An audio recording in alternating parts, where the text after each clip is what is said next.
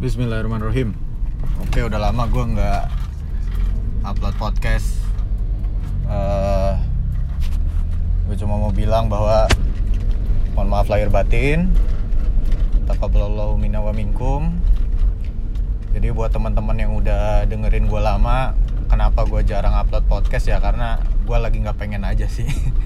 Sesimpel itu ya tapi ini lagi di mobil dan jalanan nggak begitu ramai gua taruh ini di uh, stand ya di stand uh, di stand di balik setir itu yang biasa buat pakai GPS ya. Gua taruh itu di situ dan gue pengen rekaman pengen karena sepi nggak ada nggak ada ini dan pengen ngomong aja gitu ya. Mumpung ada momennya. Gue mau bahas tentang ego. Ego, gue baca buku dari Ryan Holiday, uh, judulnya Ego is the enemy, Ego is the enemy, atau yang dalam bahasa Indonesia-nya adalah Ego adalah musuhmu. Dan belakangan ini gue juga eh, nggak banyak baca buku tentang bisnis ya, jadi gue lebih banyak baca buku itu tentang self development karena gue ngerasa uh, kebanyakan gue ngebahas buku bisnis gue sampai lupa diri bahwa gue juga harus dikasih gizinya gizinya lah gitu. Gue harus dikasih gizi untuk gue berpikir dan gue untuk tumbuh lebih dewasa lagi untuk jadi orang. Nah belakangan ini tuh banyak banget yang menghujam uh, menghujam perasaan gue ya dari mulai bisnis karena kena pandemi ini kemudian juga ada juga uh, sosok-sosok yang menyita perhatian gue secara pribadi dari mulai partner bisnis dari mitra sampai dari sampai dari ya netizen netizen 62 gitu ya. Banyak banget yang nyita perhatian dan gue ngerasa terlalu crowded hidup gue belakangan ini gitu. Jadi uh, akhirnya gue memutuskan untuk order buku kan. Gue order buku gue pengen cari buku yang membahas tentang keheningan lah gitu. Pengen ngebahas tentang gimana caranya lo bisa cabut dari apa ya bisa dibilang lo bisa cabut dari hal-hal yang crowded begini gitu.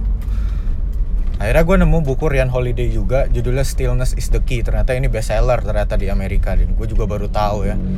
Pas gue baca bukunya halaman demi halaman kagak sadar tau-tau mau habis aja. Dan gue ngeliat ini bener-bener uh, historical. Jadi pemikiran-pemikiran pemikiran-pemikiran orang-orang dulu ya kayak Socrates, Plato, Buddha, Zeno itu pada di buku ini semua dibahas ya. Jadi kenapa kenapa orang-orang semakin modern semakin egois. Nah, itu itu dibahas di situlah. Dan kenapa semakin modern kita semakin meremehkan yang namanya keheningan, kesendirian itu kenapa gitu. Nah, itu dibahas di situ. Gini aja lah, gua gua ambil uh, gambaran besarnya karena gue nggak mungkin ngebahas semuanya dalam satu episode ini ya gue bahas aja dalam dalam perspektif ini. Jadi yang gue lihat ego ini bisa ditambahin B ternyata depannya. Bego. Ya jadi hati-hati ya. Jadi hati-hati. Saat kita mainan ego ini kita kita kita definisiin dulu. Nih ego ini apa sebenarnya?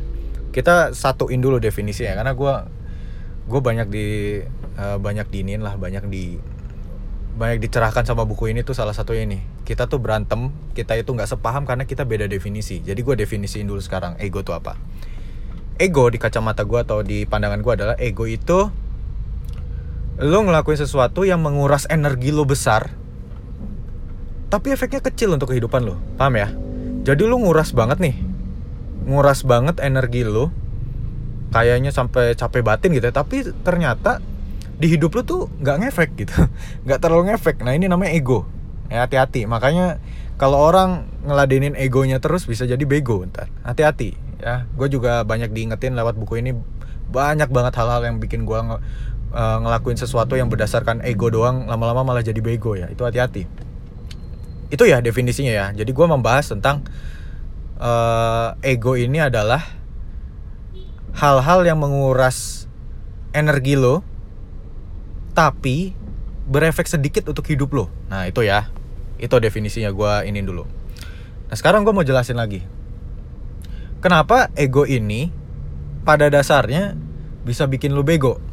Ya, ini bener-bener gue ini banget ya bener-bener tercerahkan banget sama buku ini jadi terkadang seseorang itu memang ada tahapan apa ya ada orang below the line lah bisa dibilang orang-orang di bawah garis bukan bawah garis kemiskinan bukan tapi orang orang-orang di bawah garis. Jadi namanya BED ya BED BED itu apa? Blame excuse denial. Gue bahas blame. Blame ini akar nih ya. Blame ini akar dari ego dari ego. Blame ini nyalahin. Jadi kalau ada apa-apa nyalahin orang maunya nyalahin orang yang gak ideal itu nggak bagus. Nyalahin orang nunjuk aja nunjuk. Excuse itu lebih ke sini. Excuse itu lebih ke ngeyel. Contoh ya gue bilang eh lo coba nanti Facebook Ads sama Instagram Ads pakai cara yang begini ya pakai A B C D E. Praktekin. Terus lo bilang gini ada nggak cara F? Gue A sampai E nggak bagus nih kayaknya nggak nggak cocok. Ngomongnya kayaknya. Dicoba belum tapi udah kayaknya ya makanya ini excuse. Ini orang-orang yang uh, nyarinya alasan mulu. Kalau ngomong sama orang-orang begini nggak akan pernah bisa menang. Karena itu pertandingan yang tidak pernah ada akhirnya ya. Yang menyadarkan diri sendiri diri sendiri lah. Diri dia sendiri. Jadi lu nggak ada kepentingan untuk uh, ngeberesin otak dia gitu. Dan yang terakhir ada D denial. Denial ini adalah akar dari subjektivitas. Ya jadi kalau misalkan lu udah melihat sesuatu contoh lah. Contoh aja Kayak kemarin gue bahas tentang uh, kenapa ilmu dijual. Kenapa ilmu itu ada beberapa orang yang uh, ngerasa ilmu itu nggak mestinya dijual, udah gratis gratis aja gitu.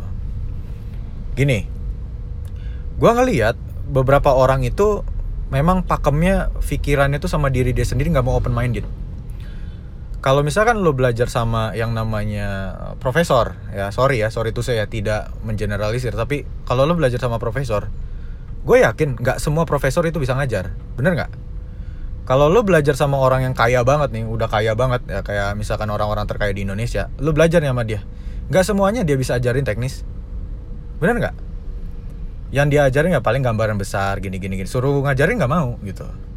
Nah jadi ada hal ada satu hal di mana skill yang bisa lo pelajarin banget adalah mempolakan sesuatu. Nah ini nggak semua orang bisa mempolakan sesuatu itu nggak semua orang bisa.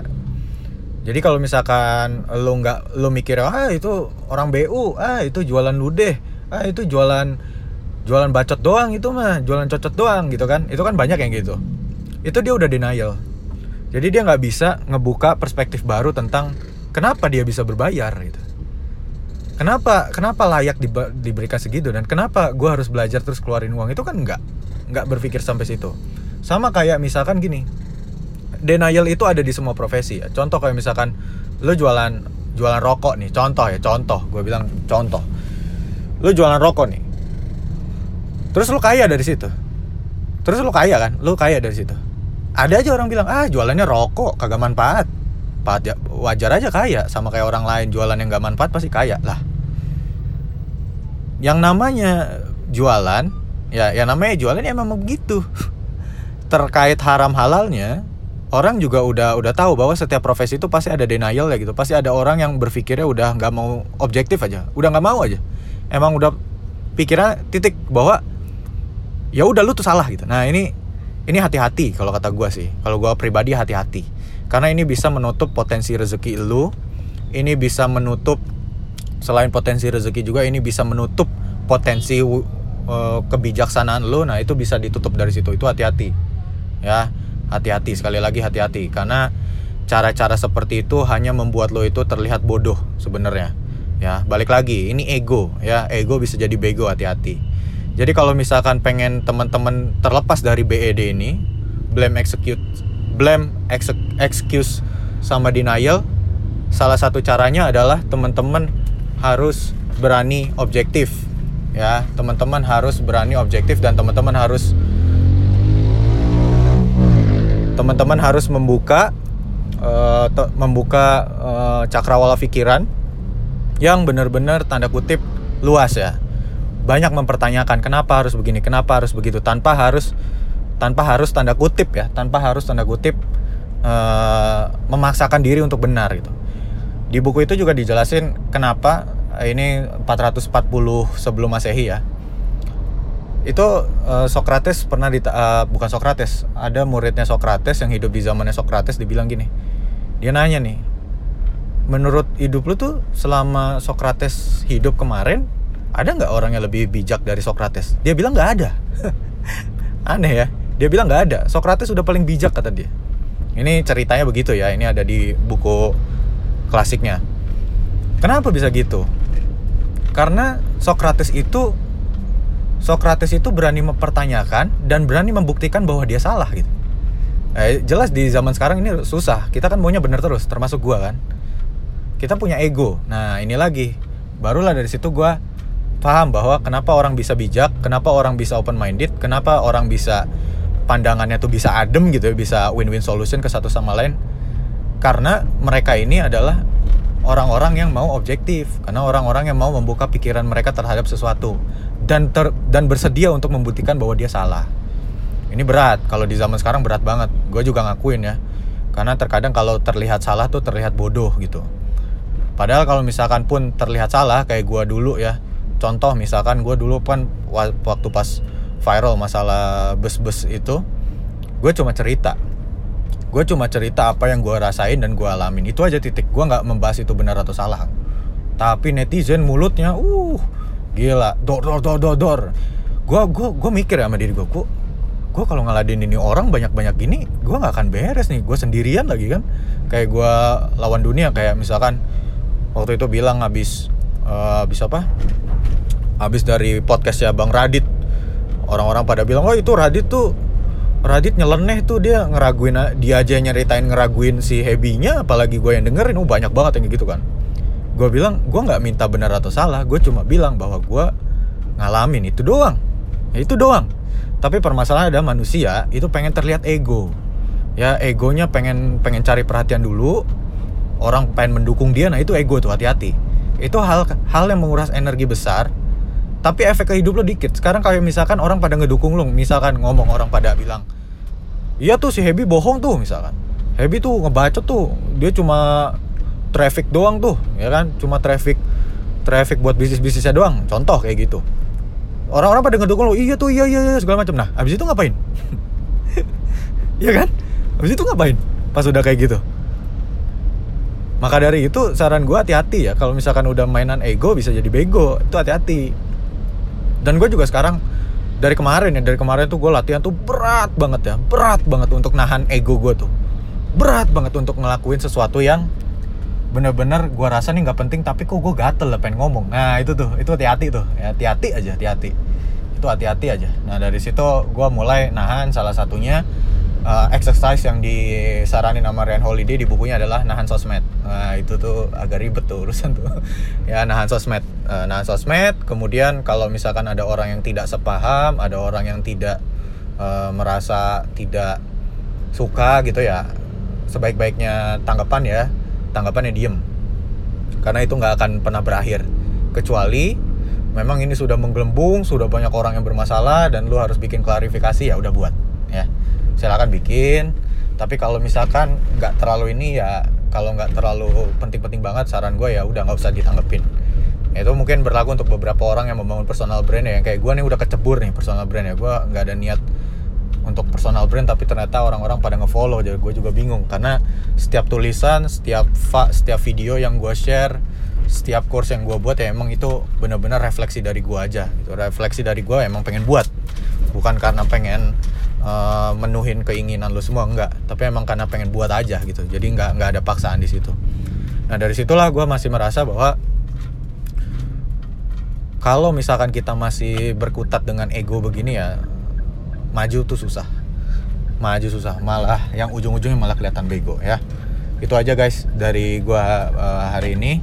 Nanti gua upload dan lo tinggal denger aja di podcast episode terbaru di Spotify karena gua cuma di Spotify aja sekarang untuk di uploadnya uh, sampai jumpa di podcast selanjutnya dan kalau misalkan ada yang mau ditanyaan mau dipertanyakan silahkan ke Instagram aja @hebosto oke okay? itu aja thank you